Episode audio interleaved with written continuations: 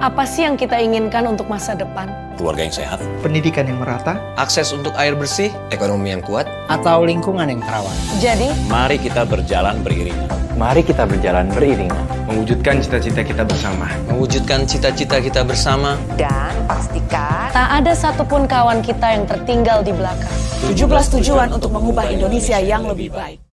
Di SDGs global maupun uh, Perpres 59 2017 uh, terdiri atas 17 goals di SDGs desa 18.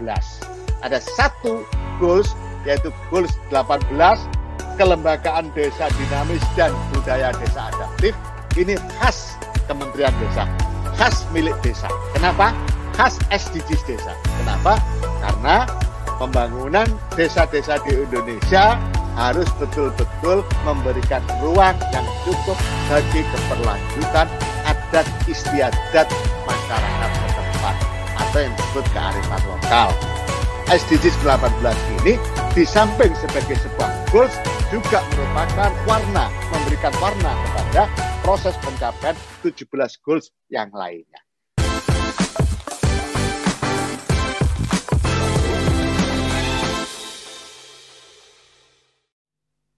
Selamat pagi, selamat datang kembali dan selamat hari Senin pagi untuk kerabat desa berbahagia di seluruh Indonesia. Dan pagi ini saya Humaira Muswara akan menemani sahabat desa dalam sarapan SDGs Desa bersama kami Desa satu jam dari pukul 6 hingga pukul 7 waktu Indonesia Barat. Namun sebelum kita memulai acara hari ini, mari sejenak kita luangkan sedikit waktu untuk mengucapkan turut berbela sungkawa atas tragedi jatuhnya pesawat SJ182 Sriwijaya Air rute Jakarta Palembang. Ya. maaf Jakarta Pontianak maksud saya di hari dua hari yang lalu tanggal 9 Januari 2020 dan mari sejenak kita panjatkan doa agar semoga diberikan kemudahan dalam pencarian dan evakuasi terhadap pesawat tersebut serta diberikan ketabahan kepada seluruh keluarga yang ditinggalkan. Dan kerabat desa yang berbahagia hari ini kita akan membahas mengenai tentang bagaimana mengukur SDGs desa di nomor tiga desa sehat dan sejahtera. Kalau di seminggu lalu lima episode sebelumnya kita bicara tentang uh, SDGs desa, desa tanpa kemiskinan dan desa tanpa kelaparan, tentunya ini tidak dapat terwujud bila kita tidak memperhatikan desa harus sehat dan juga desa harus sejahtera. Telah terhubung bersama Bapak Ivanovic Agusta, Kepala Pusat Data dan Informasi dari Kementerian Desa. Pak Ivan, selamat pagi. Selamat pagi, Mbak Ume. Selamat pagi kerabat desa semuanya. Wow, selamat cukup pagi, berbeda ini pagi. Pak Ivan. Pak Ivan, ini cukup berbeda sepertinya kalau saya lihat dari tampilan hari ini. Ada yang berbeda ini. Kira-kira apa ini Pak yang berbeda Pak?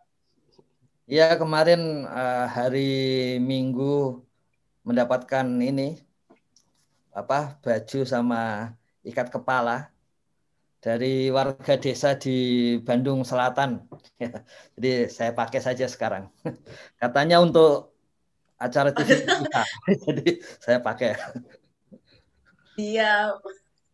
Pak Ivan, kalau kemarin kita bicara desa tanpa kemiskinan dan desa tanpa kelaparan, tentunya ini tidak bisa terlepas dari sehat, desa yang sehat dan desa yang sejahtera. Dan bagaimana Pak bila mengukur desa sehat dan sejahtera? Kalau dari hasil riset kesehatan dasar yang saya baca di buku uh, Bapak Menteri kita menyatakan bahwa kemudian akses uh, terhadap desa sehat dan sejahtera dihitung dengan jenis transportasi, waktu tempuh dan biaya uh, terhadap akses kesehatan. Nah, dengan SDGs desa, apakah hanya itu atau bagaimana Pak cara mengukurnya desa-desa uh, dapat mengukur atau dapat mengkategorikan desanya termasuk desa yang setelah sehat atau sejahtera? Silakan Pak Ivan. Ya hari ini uh, kita bisa leluasa ya untuk menyampaikan data desa bahkan sampai pada level detail per individu dan karena sudah diuji coba di empat desa dua desa di Jawa Tengah dua desa di Jawa Timur gitu kita bisa nanti hari ini yang pertama kita akan menunjukkan konsepnya dulu konsep dari SDGs desa nomor tiga. Kemudian yang berikutnya kita akan melihat bagaimana mengambil datanya, ya. Uh, strategi mengambil data sekaligus kuesionernya yang nanti seluruh kerabat desa akan langsung mendapatkan di sid.kemendesa.go.id dan kemudian setelah itu kita akan lihat cek bagaimana hasilnya ya bagaimana hasil yang sudah pernah dipraktekkan di desa-desa ya. jadi kita lihat seperti itu yang pertama mengapa disebut desa sehat tapi juga sekaligus sejahtera ya. jadi lazimnya di Indonesia kesejahteraan itu bernilai sebagai ekonomi. Namun di dalam SDGs desa, kesejahteraan itu terutama berkaitan dengan aspek-aspek yang lebih dasar. Jelas itu, yang pertama aspek-aspek humanistik bahwa manusia harus tetap hidup ya. Makanya dia akan lebih dekat kepada lepas dari kelaparan dan kemudian kesehatan-kesehatan minimal. Dan itulah sebabnya di sini di dalam SDGs desa itu mengikuti tujuan pembangunan berkelanjutan dan kemudian SDGs global ya itu kesehatan langsung berkaitan dengan kesejahteraan. Ini sangat mudah kita pahami karena misalnya kita mengetahui indeks pembangunan manusia, Human Development Index, itu juga mendekatkan antara kemanusiaan dengan kesehatan terutama yang di situ terutama bahkan pada impact yang paling tinggi berkaitan dengan umur panjang begitu. Sementara di sini kita tidak langsung ke sana ya. Kesulitannya memang kalau kita langsung ke soal umur itu adalah soal bagaimana piramida eh, Indonesia dan kemudian bagaimana sejarah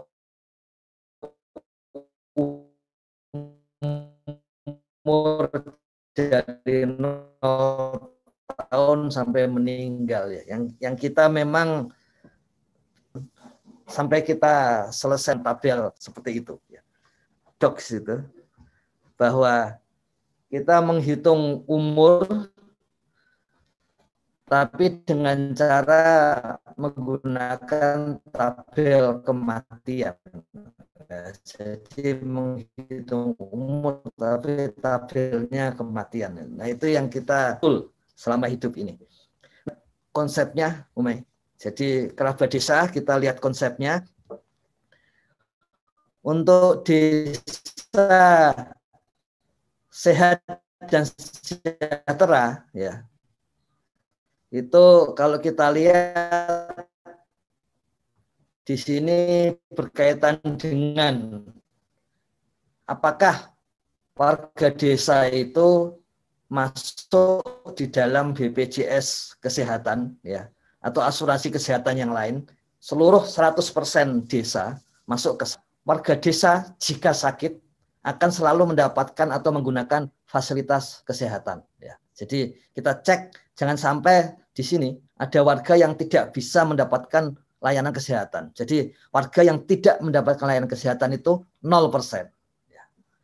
Kemudian kita cek yaitu kalau ada persalinan maka persalinan itu ditangani oleh tenaga kesehatan terampil. Ya. Dulu yang dimaksud dengan tenaga kesehatan terampil itu adalah bidan, kemudian dokter di apa dilakukan di puskesmas. Tapi sekarang ada istilah dukun bayi terampil gitu. Jadi kita akan menggunakan yang versi terbaru di mana mencakup juga aspek-aspek yang dianggap terampil itu adalah kesehatan eh, tradisional. Kemudian angka kematian ibu per 100 ribu kelahiran itu mencapai nol. Ya. Angka kematian ibu per 100 ribu kelahiran mencapai nol. Apakah ini bisa dilakukan di desa? Bisa. Ya. Karena pertanyaannya sederhana setahun terakhir di dalam keluarga ini apakah ada yang meninggal ya. kemudian meninggalnya siapa pada umur berapa kemudian penyebab meninggalnya apa jadi dari situ kita akan memperoleh salah satu indikatornya adalah angka kematian ibu per seribu seratus ribu kelahiran hidup juga sama angka kematian bayi per seribu kelahiran hidup ini juga pertanyaannya sederhana. Dalam setahun terakhir ini, dalam kuesioner keluarga, kita tanyakan apakah ada kematian. ya apakah kematiannya itu pada ibunya atau pada bayi yang dikandung dan sebagainya. Kemudian imunisasi dasar lengkap. Ya. Ini tentu saja kita punya datanya terutama di posyandu. Ya. Jadi oleh karena itu ketika kita mengambil data SDGs desa, yang pertama-tama data yang ada akan diberikan oleh Kementerian Desa ke masing-masing desa. Ya. Seluruh data yang ada akan diberikan oleh Kementerian Desa ke masing-masing desa. Dan desa sendiri itu bisa mencari data lanjutan. Ya. Jadi sebagian data itu memang tidak langsung meskipun datanya keluarga, tapi tidak langsung ditanyakan kepada keluarga. Jadi kerabat desa bisa mengambil data misalnya dari posyandu, dari puskesmas gitu. Data stunting misalnya, itu mungkin keluarga tidak memahami atau tidak tahu bahwa anaknya stunting. Tapi daftar anak stunting itu ada di posyandu dan ada di puskesmas. By name, by address. Demikian juga seperti nomor 6 ini, imunisasi dasar lengkap pada bayi, itu tercatat paling tidak di posyandu, di RT atau RW masing-masing. Nah dari situ kemudian digunakan untuk mengisi kuesioner uh, keluarga. Kemudian prevalensi HIV, TBC, tekanan darah tinggi, obesitas, narkoba itu tidak ada atau mencapai 0%. Ya. Jadi prevalensi ini bisa diketahui juga tidak selalu langsung dengan keluarganya, meskipun tentu saja ada keluarga yang memahami eh, ini ayahnya atau atau ibunya atau anaknya terkena TBC bisa saja gitu kalau mereka apa namanya ikut serta di dalam pengobatan uh, anggota keluarga tersebut. Tapi kalaupun tidak, maka data ini diperoleh antara lain dari posyandu atau poskesdes atau polindes atau dari uh, kalau polindes tadi soal apa namanya anak dan ibu ya, tapi juga dari puskesmas gitu. Kemudian jumlah RT yang menjalankan eliminasi malaria, kusta, filariasis atau kaki gajah. Ya. Jadi RT yang menjalankan kegiatan untuk pengurangan malaria, misalnya penyemprotan terhadap uh, lingkungan RT gitu. Kemudian penyakit-penyakit kusta, uh, kaki gajah jika itu ada di wilayah itu ya. Kemudian persentase perokok di bawah 18 tahun mencapai 0%.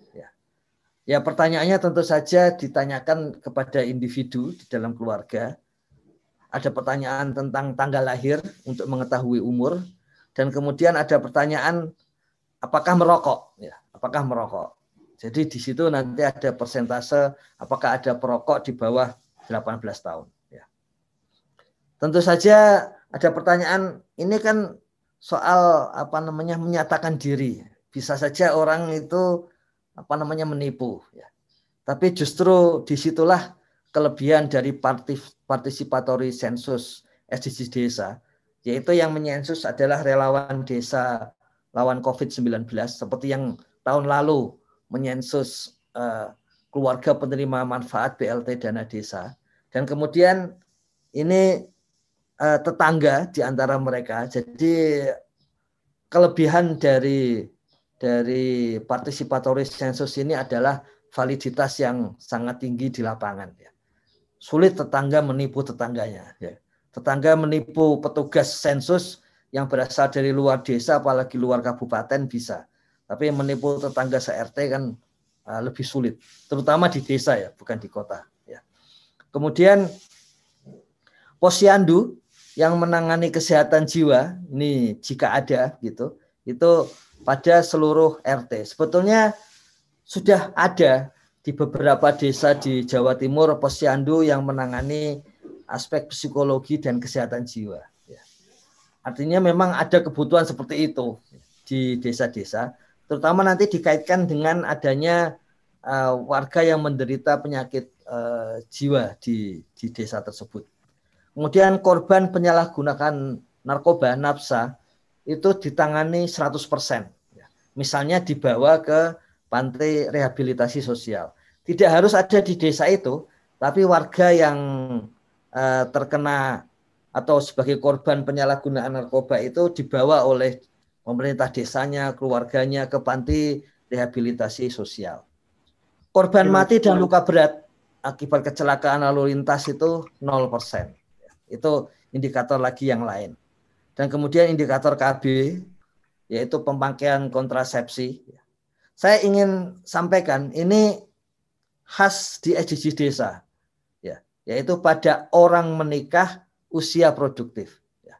Pada aslinya di tujuan pembangunan berkelanjutan itu pemakaian kontrasepsi untuk orang yang sudah dewasa. Ya. Kemudian pada SDGs global juga sama.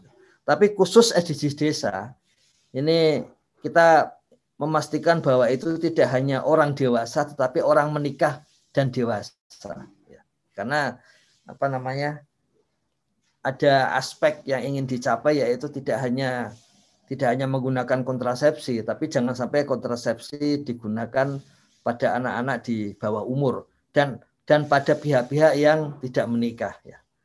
Kemudian angka kelahiran pada remaja ya usia 15 19 tahun itu 0% ya. Ini tentu saja pertanyaannya sederhana. Pertanyaannya adalah di dalam kuesioner individu ditanyakan apakah memiliki anak gitu atau anaknya anaknya dari siapa begitu dan anak umur berapa ibu umur berapa dan di situ akan diketahui apakah ibu melahirkan pada umur di bawah 19 tahun. Kemudian TFR total fertility rate ini ini harus langsung melihat keseluruhan uh, desa ya. Kemudian melihat perkembangannya dari tahun pertama minimal ke tahun kedua. Jadi TFR ini kita akan memiliki uh, datanya di tahun 2022 di masing-masing desa, di masing-masing desa. Bagaimana kita bisa mengetahui itu? Tentu saja kita mengetahui dengan cara berapa jumlah penduduk saat ini, berapa jumlah penduduk tahun yang lampau, kalau tahun 2022 nanti, dan kemudian eh, tambahan yang terutama berkaitan dengan kelahiran, ya, bukan berkaitan dengan migrasi gitu. Dan dari situ kita mengetahui total fertility rate. Ya. Kita mengharapkan paling tidak punya anak satu. Makanya ditulis di situ total fertility rate-nya di bawah 1,5 gitu. Tidak sampai satu ya. Kita tidak sampai orang menikah tanpa anak, tapi paling tidak punya anak satu gitu. Tapi tidak banyak-banyak. Ya. Mengapa demikian? Supaya kue pembangunan bisa terbagi lebih banyak kepada warga desa. Kemudian kita juga cek yang lain, yaitu berkaitan dengan SDGs desa nomor 3 adalah SDGs desa nomor 6 dan SDGs desa nomor 11 ya sebetulnya seperti itu. Jadi tidak hanya nomor 3 tapi juga berkaitan dengan nomor 6 dan nomor 11 karena kesehatan terutama kesehatan lingkungan itu berkaitan dengan air bersih dan sanitasi dan kemudian berkaitan juga dengan kondisi lingkungan di sekitar desa. Ya. dan kita perlu mengetahui bahwa tadi cara mengambil datanya itu adalah kita membagi antara data-data pada level desa dengan data-data pada level rukun tetangga. Ya. Jadi sahabat desa, eh, kerabat desa kita untuk data desa itu akan diambil oleh pemerintah desa. Karena itu paling mudah. Jadi kerabat desa Eh, untuk data desa diambil pemerintah desa. Data RT itu diambil oleh oleh pengurus RT. Itu bisa. Tidak tidak sulit karena memang bukan pertanyaan-pertanyaan opini dan bukan pertanyaan-pertanyaan olahan gitu. Jadi itu pertanyaan yang memang langsung apa yang ada di desa itu. Ya, misalnya pertanyaan tentang apakah ada surat keputusan kades kan pasti gampang itu uh, tentang apa gitu. Misalnya apakah ada peraturan kepala desa atau peraturan desa tentang buruh migran. Itu kan itu kan jelas itu. Apakah ada perdesnya nomor berapa tentang apa gitu. Apakah ada perdes tentang uh, partisipasi perempuan seperti itu. Nah, jadi tidak tidak tidak sulit. Kemudian ada pada level di yang bukan wilayah tadi, bukan wilayah desa, bukan wilayah RT, adalah wilayah adalah keluarga. Ya. Jadi posisinya keluarga. Meskipun nanti bisa dihitung sebagai rumah tangga dengan dengan modifikasi tentu saja. Modifikasinya adalah kalau keluarga itu kita cek dari kartu keluarga. Paling mudah seperti itu. Meskipun ada sebagian yang bisa saja anggota keluarga tapi tidak masuk di dalam kartu keluarga. Tapi kita antara lain dari situ. Kalau memang ada yang tidak masuk kartu keluarga, tetap dimasukkan. Kalau ada anggota keluarga yang tidak mendapat belum mendapat NIK ya yang masih ada di bawah 5% di Indonesia belum dapat NIK itu tetap dimasukkan. Ya. Jadi kita mendata seluruh warga desa, ya. mendata seluruh warga desa. Totalnya menurut BPS sekitar 118 juta. Jadi kita mendata seluruh uh, warga desa, baik dia punya NIK maupun dia tidak punya NIK. Kalaupun tidak punya NIK, kita tetap mengetahui uh, detailnya. Gitu. Hanya hanya yang tidak terisi hanya NIK-nya saja. Ya. Nah, kemudian itu dilakukan oleh relawan desa lawan COVID atau nanti desa membentuk relawan desa sendiri, mungkin plus operator uh, komputer yang ada di desa. Nah, saya tunjukkan uh, bagaimana data eh, apa namanya itu kuesioner dari contoh kuesioner dari desa ya. Jadi kuesioner desa, kemudian kuesioner uh, rukun tetangga ya. Kuesioner uh, kuesioner desa itu bentuknya seperti ini. uh, visioner desa. Oke, sip.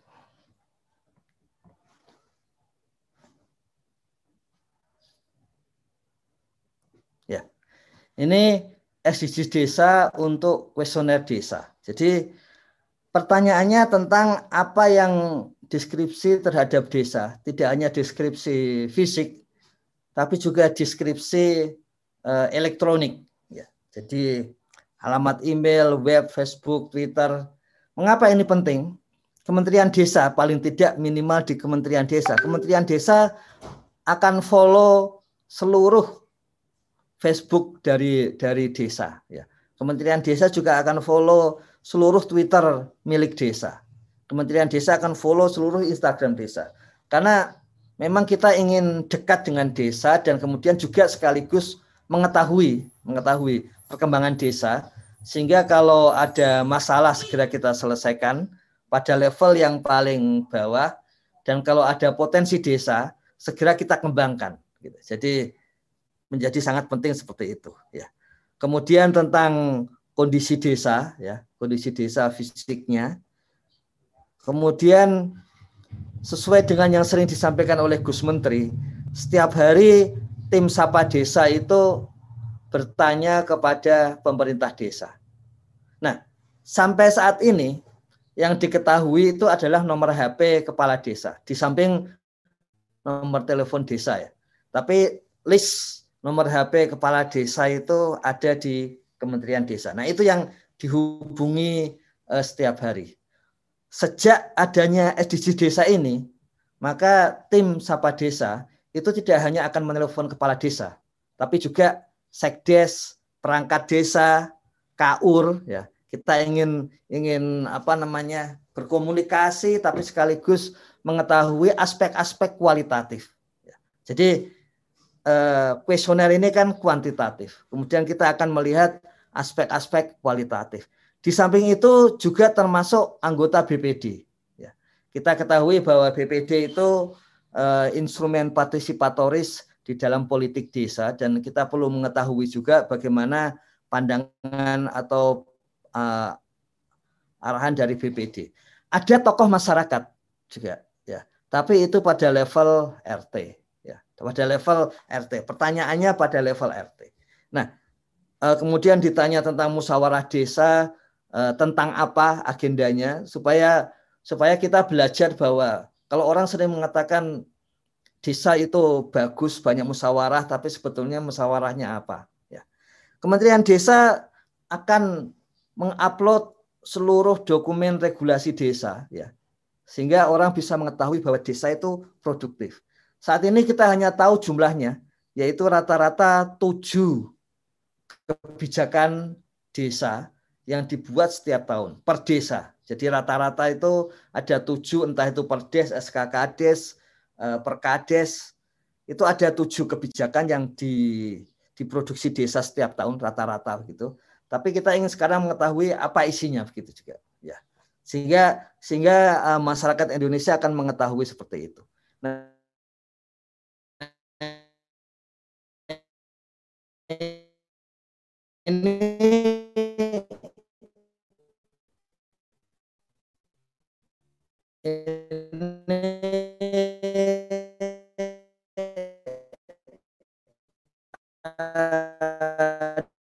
Tentang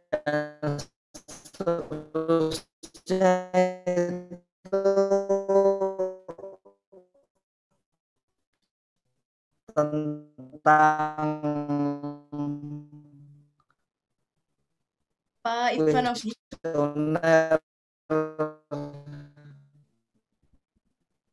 Pak Ivanovic, apakah masih terhubung bersama kami?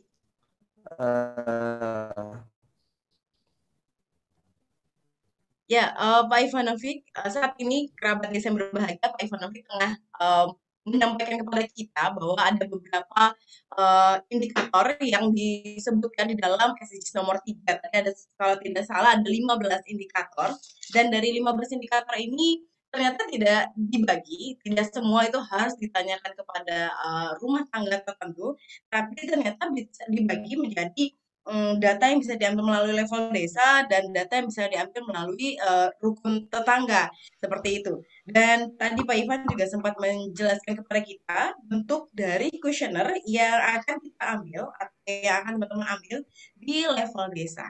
Pak Ivanovic telah kembali bersama kami. Silakan Pak Ivanovic. Bisa diceritakan terakhir tadi apa Umi? Saya pikir ya, masih tadi jalan.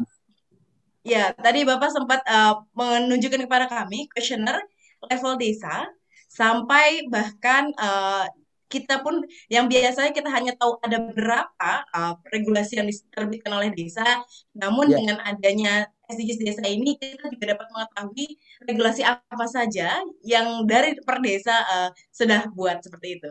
Pak Ivan, okay. silakan. Yeah. Saya lanjutkan ke kuesioner uh, kuesioner rukun tetangga ya, kuesioner rukun tetangga. Apa pentingnya kuesioner rukun tetangga? Karena selama ini ketika kita ketika kita melihat desa itu sering kali levelnya adalah level desa. Satu satu kuesioner tentang desa itu sering kali hanya masuk kepada tingkat desa. Ada gunanya untuk pihak-pihak di atas desa, entah itu pemerintah kabupaten, provinsi sampai nasional atau swasta yang ingin masuk ke desa ya, swasta swasta di level kabupaten sampai nasional, LSM donor internasional yang ingin masuk desa, dia bisa menggunakan data itu. Tapi ironisnya, desa tidak bisa menggunakan data itu untuk membangun desanya. Karena tidak ada lokasi yang spesifik di bawah desa. Makanya eh, SDG desa itu mengembangkan kuesioner kewilayahan pada level RT. Ya. Nah, yang penting kita sadari adalah bahwa di level RT ini ya kita akan mencari semua hal tetapi yang ada di RT itu ya. Karena kemarin sempat ada yang menanyakan kenapa kita harus bertanya tentang puskesmas padahal di di RT Ya kita ingin mengetahui sebetulnya warga desa dan sebagainya, kerabat desa itu ingin mengetahui puskesmasnya itu ada di mana. Ya. Memang puskesmas lingkup tugasnya di kecamatan, tetapi lokusnya ada di mana. Gitu. Sehingga akan mem, akan memudahkan ketika ingin ingin menuju ke puskesmas tersebut. Dan kita juga pernah mendapatkan informasi Kementerian Desa bahwa satu desa di Jawa itu sudah disebutkan sudah terakses internet. Ya. Namun kemudian masih ada yang menyampaikan kepada Gus Menteri, ini di tempat saya kok internet tidak ada itu, padahal kami membutuhkan, gitu. membutuhkan untuk komunikasi, untuk menjual produk gitu. Ternyata dia ada di lereng bukit. Gitu. Di desa itu, desa itu ada lereng bukit. Nah RT yang di lereng bukit tidak mendapatkan sinyal internet.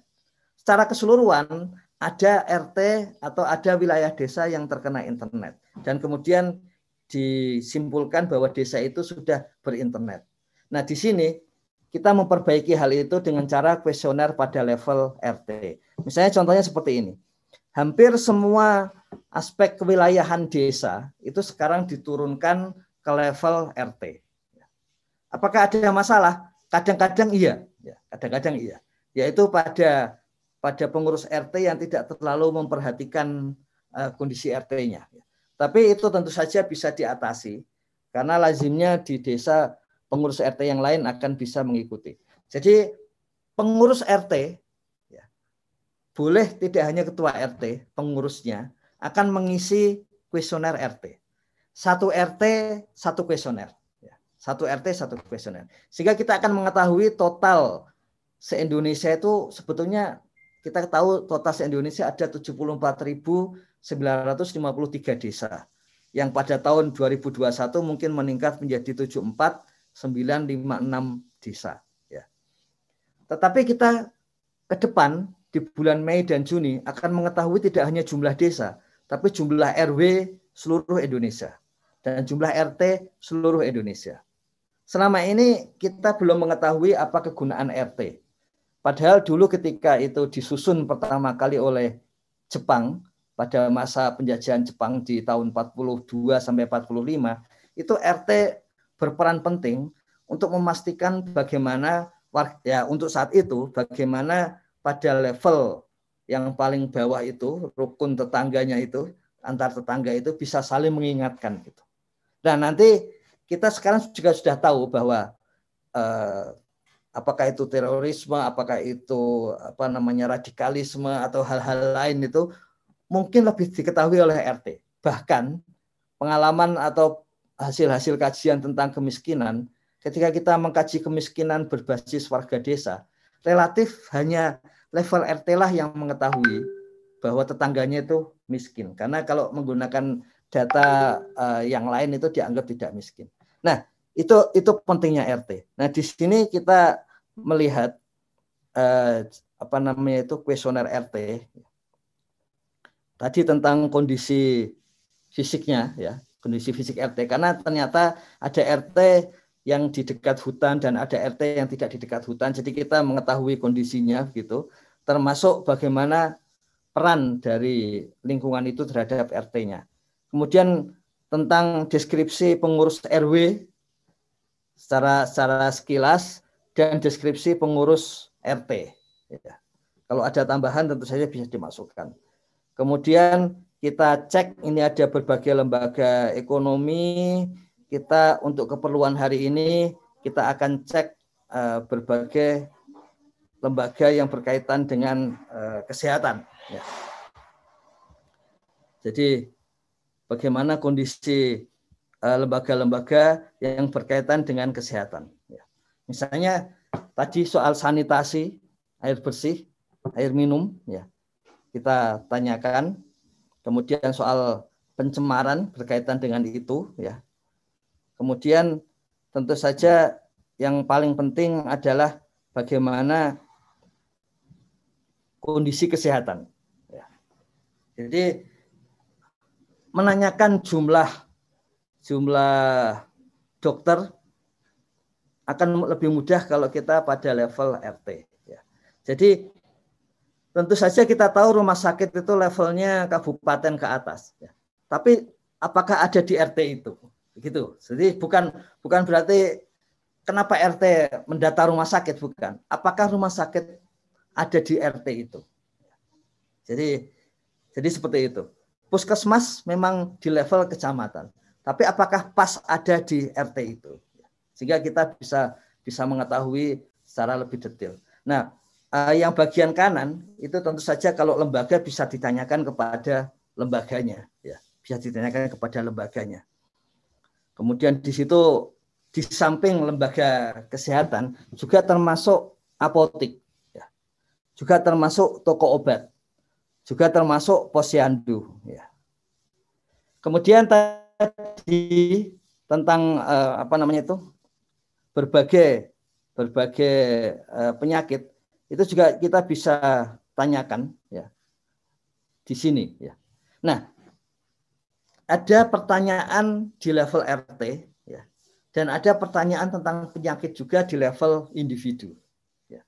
Ada pertanyaan di level RT dan individu. Jadi kita ingin ingin uh, kerabat desa bisa melakukan checking sejauh mana itu apakah persis sama ataukah ada gap antara pertanyaan di level RT dan di level individu. Gitu. Jadi ada pertanyaan-pertanyaan seperti itu, bagaimana kondisinya uh, setahun terakhir yang kemudian ditanyakan pada level RT. Gitu. Dan yang terakhir Ume, yaitu kuesioner pada level keluarga dan individu. Kuesioner pada level keluarga dan individu. kuesioner pada level keluarga dan individu ini salah satu keunggulan dari SDGs desa. Salah satu keunggulan dari SDGs desa karena kita eh, langsung di tiap-tiap keluar. Uh, moga-moga ini uh, bisa terbaca ya. Jadi ini kuesioner pada level keluarga ya. Jadi berbagai kuesioner yang selama ini ditanyakan ke keluarga di desa itu uh, kita tampung di sini, ditampung di dalam SDG desa semata-mata supaya mendapatkan data yang data yang uh, lengkap gitu. Bahwa kemudian analisisnya dilakukan sendiri-sendiri bisa saja. Ini contohnya kuesioner DTKS yang dimasukkan ke dalam SDGs desa. Sehingga mengisi SDGs desa sekaligus juga akan membereskan urusan-urusan yang lain begitu.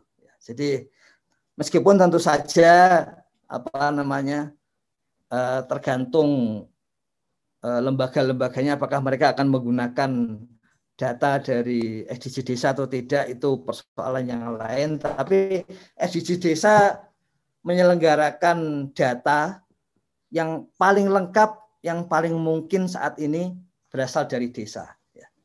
Jadi ada kondisi seperti tadi sanitasi dan air bersih gitu, kemudian fasilitas kesehatan terdekat. Ini kenapa ini penting?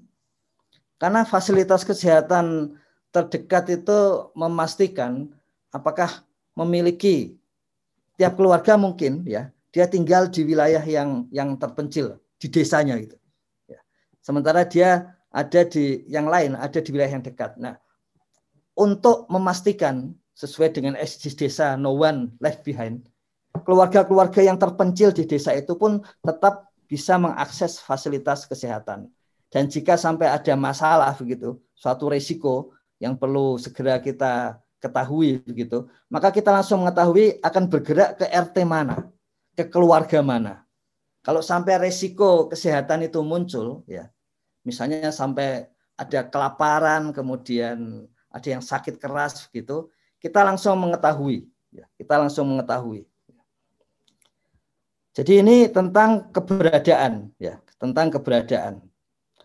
Nah, di samping itu juga ditanyakan mengenai apakah apakah fasilitas kesehatan itu digunakan selama setahun terakhir. Ya. Apakah fasilitas itu digunakan selama setahun terakhir? Jadi dia sakit apa dan apakah digunakan uh, selama setahun terakhir? Ini keluarga, kemudian masing-masing anggota keluarga itu ditanya tersendiri. Jadi ada kuesioner individu untuk tiap-tiap anggota keluarga. Ada pertanyaan kemarin, bagaimana kalau untuk anak kecil? atau kalau untuk yang orang tua gitu ya tetap menjawab tapi yang untuk anak kecil tentu saja pertanyaan-pertanyaannya kan tidak semuanya ya. Itu orang tuanya bisa menjawab untuk anak kecilnya gitu. Si anak yang sudah dewasa bisa menjawab untuk uh, golongan lansia ya. Karena lazim uh, ternyata setelah kita mencek setelah dikumpulkan data individu ini diketahui juga ada yang sampai satu desa itu ada yang 34 uh, lansia dan sebagainya begitu. Ini pertanyaan individu ya. Jadi ada jaminan sosial ketenaga kerjaan dan kemudian nanti ada ada jaminan sosial untuk kesehatan ya. Jadi ini penyakit yang diderita setahun terakhir. Ini tadi yang ada di dalam indikator SDGs desa ditanyakan semua di sini dan kemudian berapa kali fasilitas berikut didatangi. Kalau sampai warga desa itu sakit setahun terakhir dan fasilitas kesehatan yang didatangi itu nol, berarti di situ unmet kesehatan. Ya. Jadi di situ ada sakit tapi tidak bisa mengakses fasilitas kesehatan. Ini ini bedanya kuesioner dari SDGs desa dengan kuesioner desa yang lain. Kuesioner desa yang lain akan menyajikan fasilitas kesehatan yang ada di desa. Kuesioner SDGs desa tidak hanya menyediakan fasilitas kesehatan yang ada di desa, tapi juga manfaat atau outcome atau penggunaan dari fasilitas kesehatan yang ada di desa. Ya. Jadi tidak hanya aspek supply, tapi juga kita mengetahui aspek demand dari dari fasilitas kesehatan. Ya. Jadi termasuk di sini nanti jaminan sosial kesehatan ini dari tim ahli dari tim ahli yang menyarankan supaya jaminan sosial dibuat umum begitu dari pemerintah maupun dari swasta. Karena kalau banyak jaminan kesehatan sosial dari swasta itu menurut tim ahli juga sekaligus mengindikasikan peningkatan ekonomi desa juga ya. karena eh, apa namanya jaminan sosial dari swasta relatif eh, lebih lebih mahal seperti itu. Nah, yang terakhir Ume untuk menunjukkan bahwa bagaimana hal itu eh, dilakukan, kita akan tunjukkan yang terakhir ini bagaimana eh, apa namanya itu pengambilan datanya yang ada di level keluarga dan kemudian di level desa Umi. Ya. Jadi apakah itu bisa dilakukan? Pertanyaan apa namanya? Pertanyaan yang sering diajukan banyak pihak seperti itu. Apakah bisa dilakukan? Ini contohnya ketika apa namanya? desa-desa uh, di empat empat apa namanya empat desa yang ada di Jawa Tengah, Jawa Timur, tempat kita menguji coba semuanya di seluruh individu di desa-desa itu. Ya. Ini tempat tinggal, lahan, lantai terluas, ini jumlah keluarga. Saya kira yang berkaitan dengan, ah ini, ini fasilitas sanitasi yang berkaitan dengan dengan keluarga ya. Jadi akan akan kelihatan berapa keluarga dan ada by name by address dari keluarga tersebut ya. Ada by name by address dari keluarga tersebut. Bedanya adalah di situ ada by name by address dari keluarga sehingga sehingga memudahkan ketika desa ingin melakukan program ya. Programnya itu untuk misalnya untuk pembuatan jamban keluarga, misalnya seperti itu. Ya. Jamban keluarga uh, dengan mudah karena memang ada memang ada namanya uh, by name by address. Gitu. Kemudian kita coba lihat pada level hasil hasil kajian pengambilan data lapangan pada level individu, ya, pada level individu. Jadi ini bagian uh, depan soal pekerjaan, jaminan sosial, penghasilan sehingga kita ini total tadi fasilitas. Ini yang tadi pertanyaan tentang sudah sejauh mana mengakses fasilitas kesehatan ya, Pak ya? Iya, iya, benar, benar. Uh, sebentar. Ini karena analisisnya dikerjakan tim Pusdatin beramai-ramai jadi uh, memang dipilah-pilah itu anunya apa namanya itu Baik, Pak Ivanovic. Uh, Pak Ivanovic, kita kembali lagi Pak setelah jeda berikut ini karena setelah ini kita akan menjawab pertanyaan Pak dari uh, penanya kita dan kemudian uh, Pak Ivanovic akan menjawabnya dan kita akhiri uh, kuliah oleh maaf dan kita akhiri acara PSG Desa pagi ini dengan mendengarkan ceramah dari Prof. Yoyon Suryono. Kalau itu gimana, Me? Ya, Pak? 15 detik aja. Oke. Okay. Untuk untuk menyampaikan, ya. Kuat kuatirnya ini kan penting ya, untuk Pak, untuk menyampaikan seeing is believing kan gitu ya. Oke. Okay. Jadi ini contoh apa namanya itu bagaimana berapa warga desa yang terkena penyakit ya. Berapa warga desa ada by address-nya juga dan di situ kita bisa mengetahui misalnya kami sudah rekomendasikan kepada Gus Menteri ya dengan melihat ini sepertinya paling penting di desa itu menyediakan apotek dan toko obat. Karena itu yang yang apa langsung dipakai oleh warga desa begitu sakit gitu kan. Dan kemudian di situ kita mengetahui uh, kemanfaatan dari masing-masing fasilitas desa. Tapi intinya ingin kami sampaikan bahwa SDGs desa itu Eh, mencapai atau atau menggali data relatif akan sangat lengkap. Yang paling lengkap karena kita menggunakan seluruh kuesioner yang masuk ke desa sampai saat ini dan sudah teruji di empat desa itu bisa terambil datanya dan tidak tidak sulit karena bukan opini itu, tapi apa pengalaman dari warga desa yang sudah sudah dilakukan selama setahun terakhir. Jadi itu pengalaman uh, yang dialami, yang dilihat gitu, bukan opini. Jadi tidak sulit untuk menggali datanya di desa. Gitu, Om. Dan kerabat. Baik, Pak Ivanovic dan kerabat desa yang berbahagia di seluruh Indonesia, kita kembali setelah pesan-pesan berikut ini. Kamu tinggal di pulau terpencil, pegunungan pinggiran kota, atau daerah di Indonesia yang tidak terjangkau jaringan fiber, ADSL, dan juga 3G internetan dengan cepat pasti cuma akan menjadi mimpi. Mau pakai tol langit, pakai desa wifi, kunjungi www.desawifi.id. SSFF 2020 by TV Desa dan Rumah Film Avandi.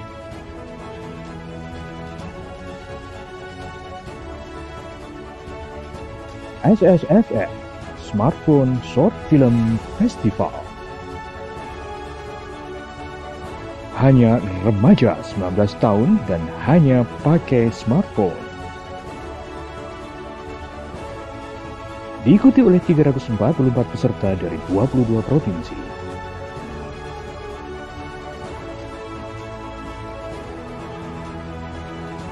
Ikuti info lengkap di www.ssff.tvdesa.id.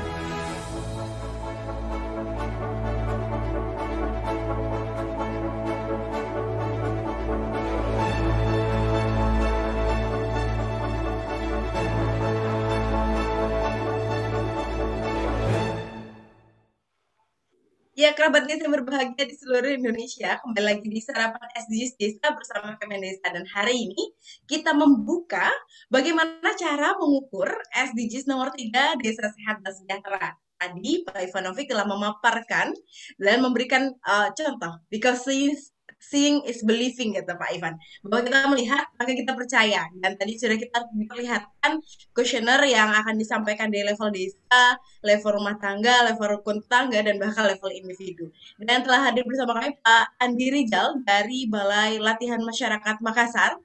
Pak Andi? Ya. Selamat pagi Pak Andi. Waalaikumsalam Selamat pagi. Pak. Assalamualaikum. Waalaikumsalam. Waalaikumsalam. Pak Dirijal, uh, silakan memberikan pertanyaan singkat dan padat, Pak. Siap, makasih Mbak. Uh, Assalamualaikum Pak Ivan, Pak Kojo, teman-teman sekalian, kerabat eh, tamu di apa tamu desa Makassar, TV desa. Baik, eh, saya tadi dari Balai Latihan Masyarakat Makassar, sehari-hari sebagai penggerak suara masyarakat. Eh, menarik sekali materinya Pak Ivan dan saya mungkin akan ada perbandingan sedikit eh, alhamdulillah kami di salah satu desa dampingan kami di Sulawesi Selatan itu memang kayaknya sudah meng, ada implementasi dari beberapa kegiatan eh, berkaitan dengan eh, apa, implementasi SDGs itu. Kemarin kami melakukan kajian eh, berkaitan dengan eh, desa cerdas Smart Village yang digagas oleh Bali Laspo dan salah satu desa yang menjadi lokus kajian kita itu salah satu desa di Sinjai, Kabupaten Sinjai, Desa Sautandre namanya. Alhamdulillah di sana berkaitan dengan apa tadi yang dijelaskan, mungkin saya hanya ingin memberikan gambaran bahwa eh, kegiatan yang sudah dilaksanakan di sana, yaitu dia sudah melakukan pendataan berbasis JIS dan alhamdulillah eh, masyarakat yang berkaitan dengan jenis penyakit apa dan sebagainya kebutuhan eh, sudah ada di, di di aplikasinya di desa tersebut. Eh, program kegiatan yang sudah berjalan, eh, dia me, karena desanya desa terpencil, dia di gunung, jadi di sana tidak ada fasilitas kesehatan, yang ada fasilitas kesehatan berbasis desa yaitu pos Yandu itu dua kali seminggu. Jadi sebelum eh, hari H kegiatan di desa eh, apa ada dokter yang datang tiap dua kali seminggu itu dia sudah ada datanya. Jadi masyarakat yang sakit ini apa identifikasi gejala-gejala penyakitnya apa dan sebagainya sudah dilakukan oleh kader desa. Jadi begitu dokter datang pada hari itu sudah siap di, di ini. Dan eh, ketika ada eh, masyarakat yang sakit, pemerintah desa menyiapkan mobil layanan dan langsung menjemput eh, dokter dari kecamatan untuk melayani itu. Itu salah satu. Terus yang kedua, eh, sudah ada peraturan desa di sana yang mengatur ada namanya perdes tentang kiblat kesehatan ibu bayi dan lansia. Kemudian eh, desa berkaitan dengan kesehatan desa bersinar yaitu bersinar koba dan sebagainya. Alhamdulillah sudah berjalan itu. Eh, mungkin eh, kemarin kami melakukan dampingan di sana, kami tanyakan berkaitan dengan program pemerintah yang lain, stunting apa dan sebagainya. Dan alhamdulillah datanya memang sudah lengkap jadi saya ingin mengatakan begini bahwa beberapa desa memang sudah mengimplementasikan hal-hal itu sebelum program pemerintah turun yang berkaitan dengan SDGs desa itu berkaitan dengan pendataan pendidikan, kebutuhan pokok dan sebagainya. Kemudian tadi yang menarik, eh, kami juga mendorong eh, salah satu unit usaha BUMDes itu adalah apotik desa. Kami coba di beberapa desa melaksanakan itu. Eh, terakhir mungkin izin Pak Ivan, eh, mungkin kuesioner ini eh, nanti diarahkan ke mana? Apakah kami juga di PSM, di penggerak swadaya masyarakat bisa mendapatkan itu supaya kami lebih eh, mendorong untuk penguatan dampingan kami di lapangan. Sekian, eh, terima kasih atas kesempatan. Assalamualaikum warahmatullahi wabarakatuh. Waalaikumsalam warahmatullahi wabarakatuh. Terima kasih Pak Andi Rizal. Pak Ivanovic, bagaimana kemudian peran PSM dalam uh, pengambilan data atau pengukuran data SDGs desa nomor uh, SDGs desa di desa. Uh, waktunya mungkin tidak banyak Pak Ivan, bisa dijawab dengan singkat. Silakan. Ya, yang pertama bahwa uh, orientasi dari data desa ini ya, ini kan participatory sensus sehingga interoperabilitas antar data itu menjadi mudah dilakukan. Termasuk tadi yang disampaikan Pak Andi Rizal tadi, kalau memang desanya sudah memiliki data itu kan tinggal dimasukkan gitu. Kalau menurut menurut data Kemendes itu sekitar 36 ribu desa itu tiap tahun tiap tahun itu mengupdate data desanya. Dari 75 ribu itu, 36 ribunya itu mengupdate data. Rata-rata dana desa yang digunakan untuk mengupdate data itu 25 juta. Meskipun ada yang sampai 150 jutaan untuk mengupdate data. Jadi karena itulah kita optimis bisa melakukan itu. Ya. Dan semua kuesioner, tapi sebetulnya kita akan menggunakan aplikasi, Pak. Karena kalau kita menggunakan kuesioner yang difotokopi, itu kemarin hitungan dari Gus Menteri dibutuhkan 340 miliar total nasional. Ya. Sementara kalau aplikasi sebanyak-banyaknya bikin aplikasi nggak akan sampai segitu. Jadi kita akan gunakan aplikasi uh, menghindari banyak kesalahan dalam inputting begitu ya. Dan tentu saja di sini peran PSM adalah bagian dari kalau di Kementerian Desa ada istilahnya TOT, Training of Trainer. Jadi memang PSM harus mengetahui lebih dulu sehingga kalau ada pertanyaan dari desa itu datangnya pertanyaan kepada para PSM ini. Dan kita sudah pasti ini Ume di tahun ini akan menggerakkan PSM tidak hanya pendamping 35.350 pendamping tapi juga sekitar 400 PSM yang ada di Kementerian Desa, pemerintah daerah dan kementerian lain. Pak Ivan, pertanyaan satu pertanyaan lagi Pak dari uh, YouTube kita, Pak Aris Rahmat Risadi. Berarti dengan adanya pertanyaan atau question yang diberikan uh, untuk SDGs desa ini telah mengcover survei-survei lain terkait, terkait misalnya IDM, Pak? Betul, ya. Jadi Mas Aris ini senior saya ini. Ya. Jadi Kementerian Desa mulai tahun 2021 ya itu hanya satu kali inputting. Ya. Jadi seluruh aplikasi keluar desa itu sekarang sudah disatukan menjadi SID, Sistem Informasi Desa. Satu kali inputting. Jadi misalnya eh, IDM ya. Tadi malam juga Pak Mustaqim sebagai pengelola IDM berdiskusi dengan kami. Updating IDM ditutup meskipun IDM-nya tetap ada ya. Nah, updatingnya melalui SDGs desa gitu. Jadi benar yang disampaikan oleh Mas Haris eh, kondisinya seperti itu. Ya. Jadi kita hanya satu kali inputting untuk seluruh keperluan.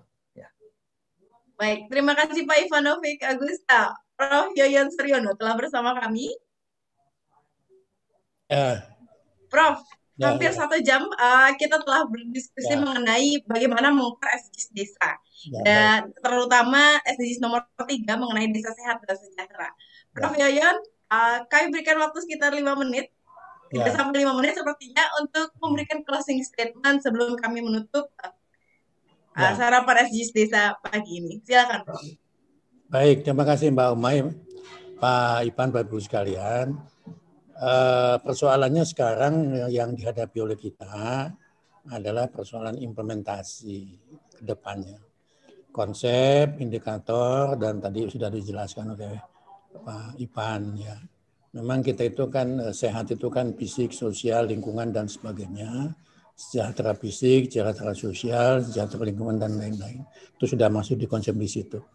Uh, tadi Pak Ipan menjelaskan satu uh, banyak sekali indikator yang bagi saya sendiri itu pemahamannya bukan pengham, bukan pemahaman ya menghafalnya itu sangat-sangat uh, sulit ya karena memori saya uh, sudah ya dua dua apa namanya tidak lagi IT uh, 15 uh, atau 17 ya sudah ketinggalan sekali. Jadi sebetulnya persoalannya itu satu di desa itu ternyata banyak pekerjaan yang tadi disampaikan oleh Pak Ipan untuk kesehatan dan kesejahteraan. Itu banyak sekali, ya, termasuk tadi ada apotek dan sebagainya. Nah berkait, dengan itu, dari proses eh, apa namanya eh, komunikasi dan diseminasi yang itu satu adalah sejauh mana tingkat pemahaman eh, para perangkat desa, para pendamping, ya PSM, ya termasuk juga di tingkat kementerian. Ya. Di tingkat kementerian itu kan ada direkturat jenderal empat ya, di empat dijen, kemudian dua badan, ya, ya minus Pak Ipan yang memang sudah spesialisasi di situ, jadi tingkat pemahaman di level kementerian juga bagaimana seperti apa. Turun ke provinsi, turun ke kabupaten kota sampai ke desa. Nah, kesimpulannya ini makin perlu waktu yang sangat panjang untuk pemahaman saja. Tadi pertanyaan Pak Rizal, Pak Andi juga kan gitu sebetulnya di level pemahaman. Nah, jadi Pak, eh, kita ini sudah eh, hari kelima, hari keenam kan sebetulnya kan untuk eh, meningkatkan pemahaman masyarakat desa terhadap indikator-indikator yang sudah dikembangkan lagi itu. Nah, oleh karena itu selain channel ini ya, Pak Suryo Koco kan konsepnya kan multi channel ya. ya. Jadi TV desa, kemudian akademi desa, kemudian apalagi apalagi ya, ya termasuk uh, direktorat jenderal di Pak Ipan itu kan masing-masing kan harus concern dengan SDGs desa ini ya karena ada peralihan tadi ya dari anunya.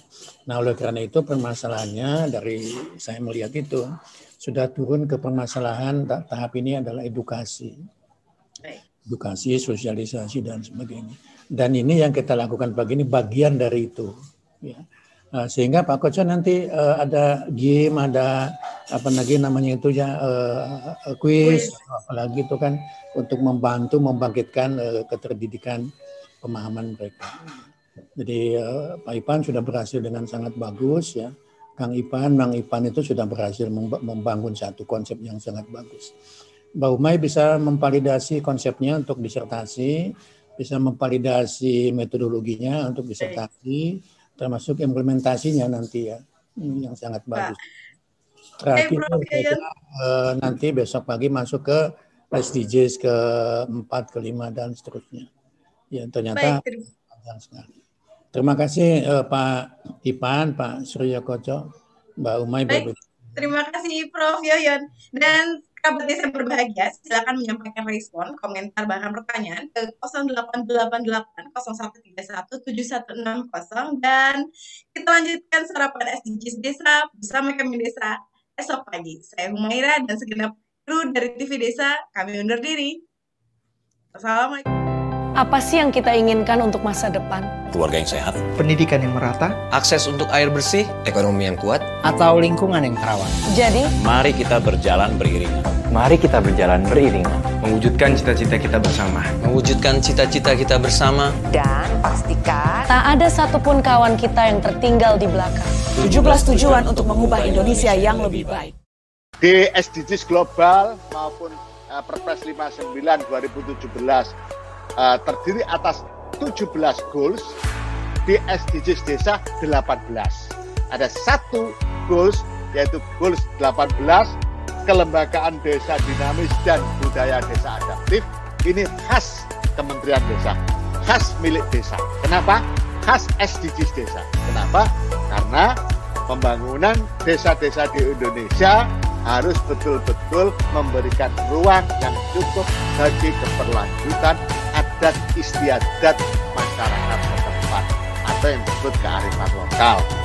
SDGs 18 ini di samping sebagai sebuah goals juga merupakan warna, memberikan warna kepada proses pencapaian 17 goals yang lainnya.